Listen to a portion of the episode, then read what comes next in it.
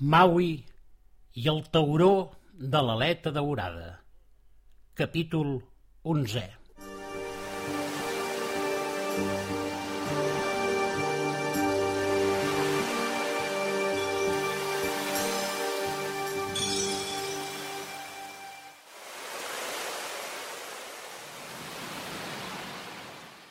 Tot just el sol es va pondre per l'horitzó, l'ull vidrat va tornar a encendre's i el mapa bandera projectar els estels damunt del mar. I la creu del sud, on era? Maui la va buscar allà d'on arriba la seva portentosa vista, però no se li va acudir mirar sobre seu. Només quan la segona estrella en zènit va il·luminar la roca on era el noi. Se'n va adonar. La creu del sud damunt meu, va dir Maui. Això ha de voler dir que he arribat al meu destí.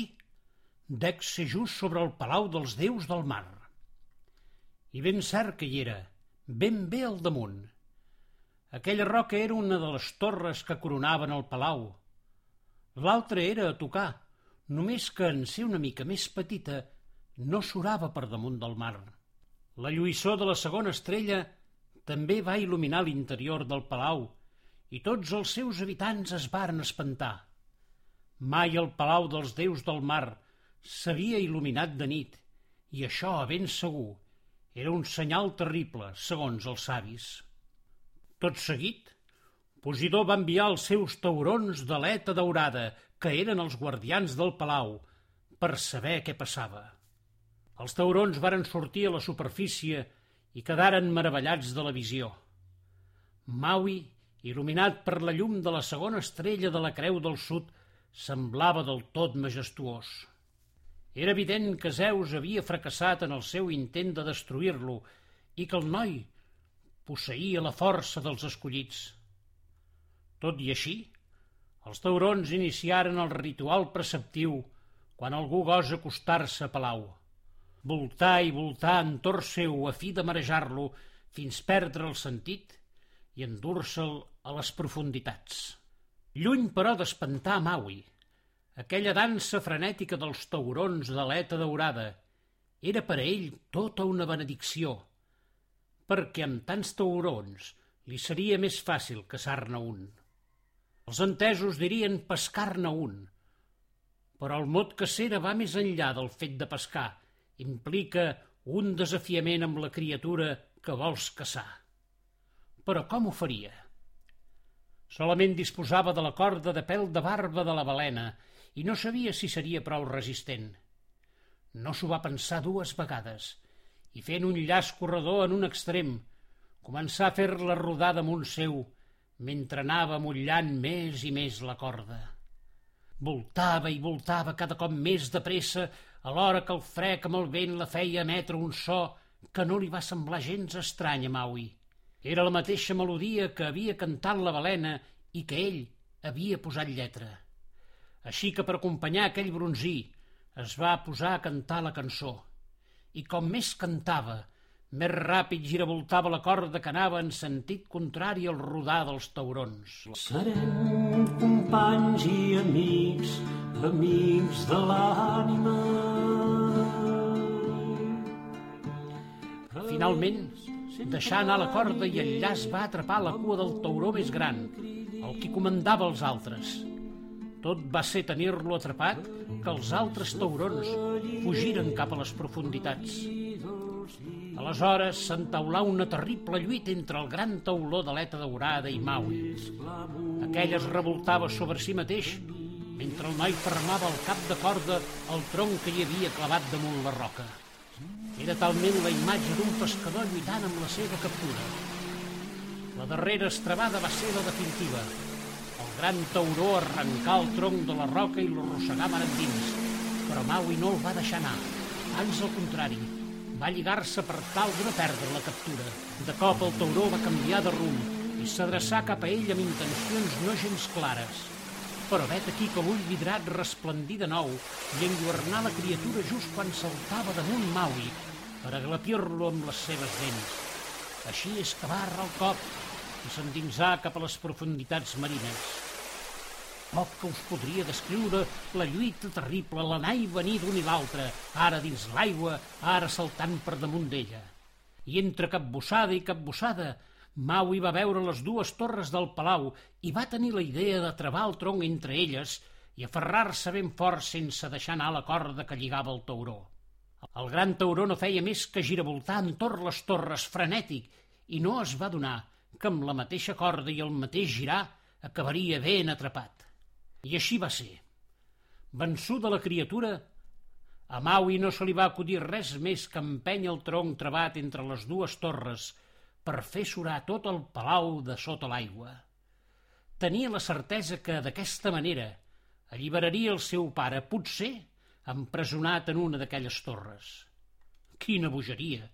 Per aixecar tot un palau calia tenir una força sobrehumana o li caldrien moltes forces sobrehumanes, és a dir, que li calia ajut, i l'ajut va arribar. Totes les balenes del refugi de les balenes van acudir a la seva crida, la crida de la cançó de l'amistat, i fent costat a Maui, alçaren el palau mentre els seus habitants fugien espaordits. L'aixecaren i l'aixecaren fins que tot ell va ser fora, i amb l'ajut de les balenes i la seva força, tota aquella immensa mole de terra submarina es va transformar en una nova illa al vell mig del Pacífic. En aparença tot semblava guanyat. Maui havia capturat un tauró d'aleta daurada que, a més, era el gran tauró. I també havia rebassat de les profunditats el palau dels déus del mar del mateix Posidor. Però el senyor dels mars i oceans no estava disposat a acceptar que un jove mortal el guanyés. Així és que va tornar a desfermar la seva fúria fent que de les dues torres en sortís foc i fum i rius de lava.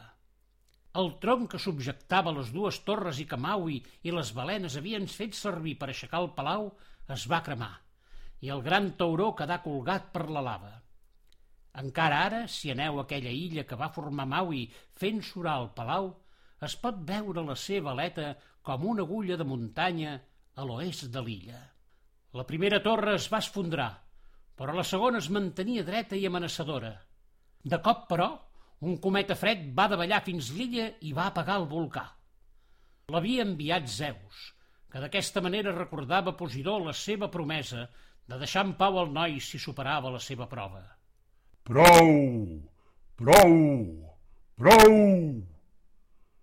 Tot el que ara fas, Posidó, està mogut per l'ira, i un déu ha de saber contenir-la.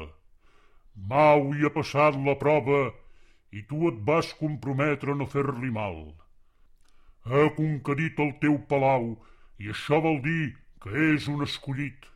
D'aquesta terra que ha fet emergir en farà la seva terra i quan mori esdevindrà un semideu, protector dels mortals. Així ho determina Zeus, que sóc jo. Zeus sempre ha estat un déu fatxenda, però el cas és que Posidó va haver d'acceptar la seva derrota i se n'anà amb les seves criatures i l'estol de taurons d'aleta daurada a crear un altre palau lluny d'allí. Li corsecava aquella derrota i va voler posar mar de pel mig.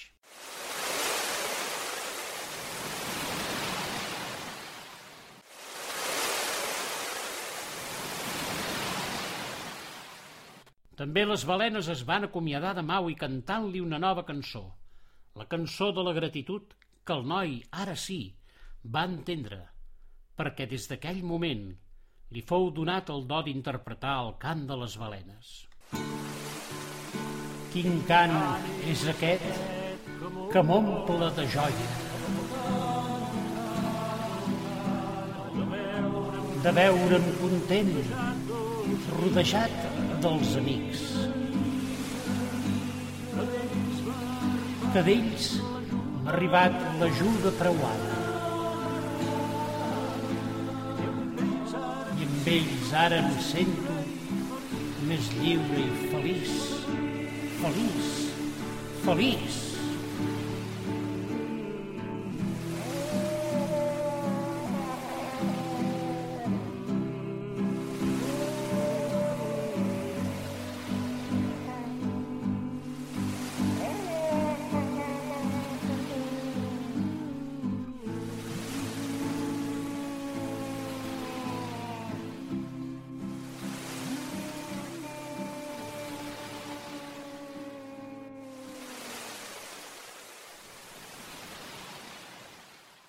En aquell setè dia de la seva aventura, Maui havia creat la seva terra, però encara hi havia allò del seu pare. On era? Va regirar l'illa de cap a cap, fent grans gambades i olorant per tot amb el seu agut olfacte i aixecant cada pedra, però res de res. Potser va pensar que tot allò que li havia explicat el seu besavi Capalua o el que havia somiat no era res més que una fantasia. Potser tot plegat era un somni i d'un moment a l'altre es despertaria a casa seva. Maui s'acostà al mar, en un indret de l'illa on les ones semblava que arribaven amansides per acaronar una gran llosa de basalt, ben negra. Aquella llosa li recordava la del gord de Baea. S'hi va asseure per contemplar la posta de sol i pensar en totes aquelles coses. Calia ordenar el seu cap i no fer cas al seu cor. Aleshores va veure aparèixer d'allà del mar cinc remolins de sorra fina que se li acostaven i a mida que s'apropaven prenien forma humana. Eren el seu pare, el seu besavi, Caupo i els pares d'Àpia. Maui no sabia ben bé què fer però una cosa sí que us puc dir del cert. Va caure de cul damunt la roca de basalt. Els cinc remolins van riure en veure Mau i fregant-se els ulls pensant que tot allò no era res més que un somni. Un somni? va dir el seu besavi Capalua, que va ser el primer en parlar. Res de somnis, Maui. Tot el que has viscut ha passat i és ben real. Potser a alguns els semblarà un somni quan els teus fills i els fills dels teus fills relatin la teva aventura.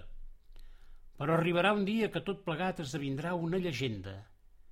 Quan això passi, et ben asseguro que la teva història serà recordada i venerada per tot un poble, el teu poble.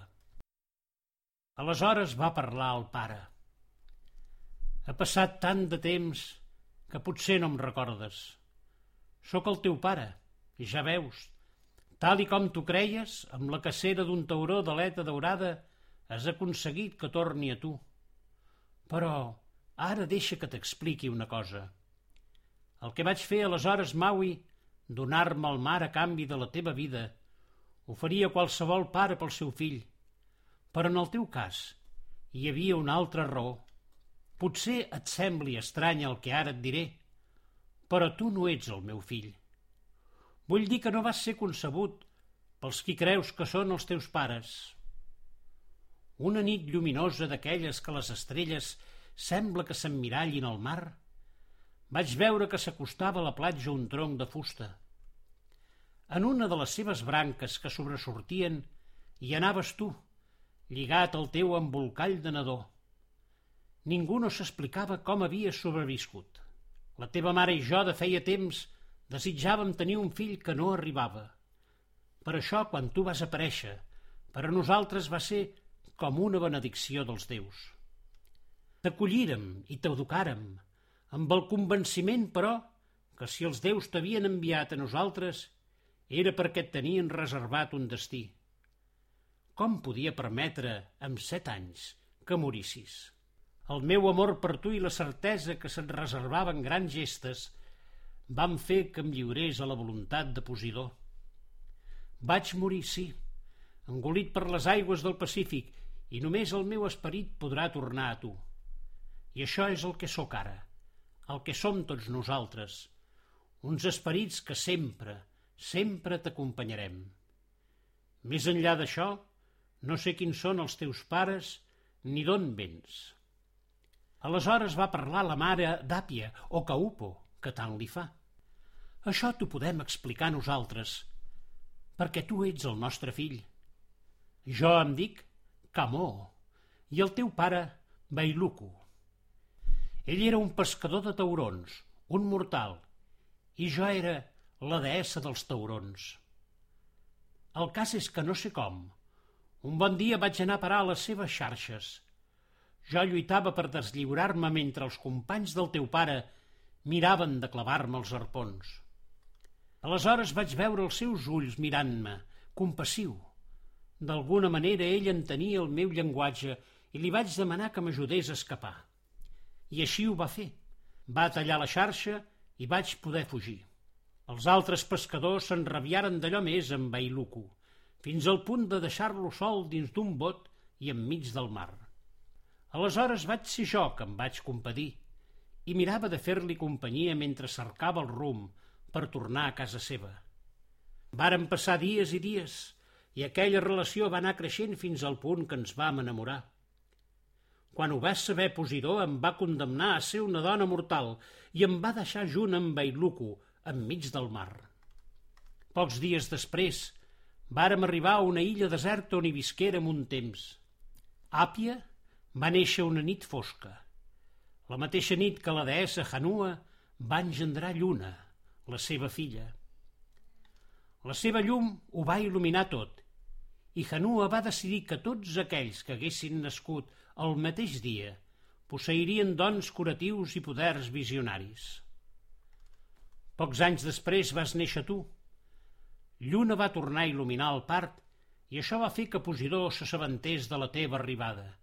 Sabia que tu estaves predestinat a ser el gran tauró de l'eta daurada, però ell ja n'havia escollit un, precisament el que tu has caçat. Ple d'ira, va decidir destruir la nostra illa. Nosaltres vàrem ser a temps de fugir en una barca, però un cop de mar va arrabassar-te dels meus braços i et varen perdre. Tot el que va passar després ja ho saps. Ara hauràs d'escollir, Maui, o ser el gran tauró de l'eta daurada o un mortal. Maui intentava retenir tot allò que li explicaven. Una cosa era viure les emocions d'una aventura, però una altra era descobrir que molt abans la teva vida ja havia estat una aventura que no coneixies. El seu cor l'empenyia a creure tot allò que li explicaven, però el seu cap... Aleshores va parlar Bailuco, el seu primer pare. Tens un gran cor, Maui, i tot el que has fet t'ho ha dictat el cor. Has passat set dies navegant i has aconseguit arribar allí on volies, però ara et demanem que t'endinsis una mica més i descobreixis un passat desconegut. Vet aquí la prova més gran, creure-hi. Tot el que fem, ho fem perquè hi creiem. Altrament, no creure en res és viure el no-res. Tu vas creure que tornaries a veure el teu pare. Tu has cregut en els dons que et va regalar Àpia, la teva germana. Tu vas creure en els consells de Caupo, perquè senties el lligam de la sang. I ara creus que ens tens davant teu i prou saps que som esperits. Però hi segueixes creient, i això és la teva força. Tot el que tu tris serà ben triat. Esperits? pensava Maui. I com era que els veia? Amb els ulls de dins, va dir Caupo. Recorda'm quins ulls vas veure'm a mi a les llàgrimes d'àpia i després Vas veure àpia en els meus ulls. Aquesta mirada prové dels ulls diferents, els ulls de la sensació, els ulls de l'amor que et donen una nova mirada, quan de vegades les coses només es veuen amb els ulls del cap. Per Maui, de tots els esperits presents, Kaupo era la més real. Apenes feia vuit dies que l'havia deixat a la seva maca i després la va sentir acariciar-lo, mentre ella se n'anava a cercar la platja de sorra blanca. Em vas sentir i no em vas veure, oi, Maui? Com ara nosaltres, que et sentim i no cal que ens parlis, perquè som dins teu. Et vaig dir aleshores que aniria a una platja de sorra blanca i ja hi sóc. Tu ens l'has preparada i aquí descansarem per sempre. Ben mirat, aquell indret no tenia pinta de ser cap platja, i menys encara amb aquella roca negra de basalt. Però aleshores va passar una cosa prodigiosa i difícil de creure. Una altra, direu, si no hem fet altra cosa que anar de prodigi en prodigi. Cert, però com li acabava de dir el seu primer pare, Maui, cal creure, sempre creure. Per això us demano que em cregueu si us dic que els cossos del seu besavi, del seu segon pare i dels seus primers pares i la seva germana Àpia van començar a desfer-se i transformar-se en sorra blanca, tanta sorra com per cobrir aquella llosa de bassal i transformar l'indret en la cala de sorra blanca més bonica que us pugueu imaginar. Maui va plorar una llarga estona, ajagut damunt d'aquella sorra, però el seu cor es sentia alegre i feliç. Sabia que en aquell indret sempre hi serien els seus estimats.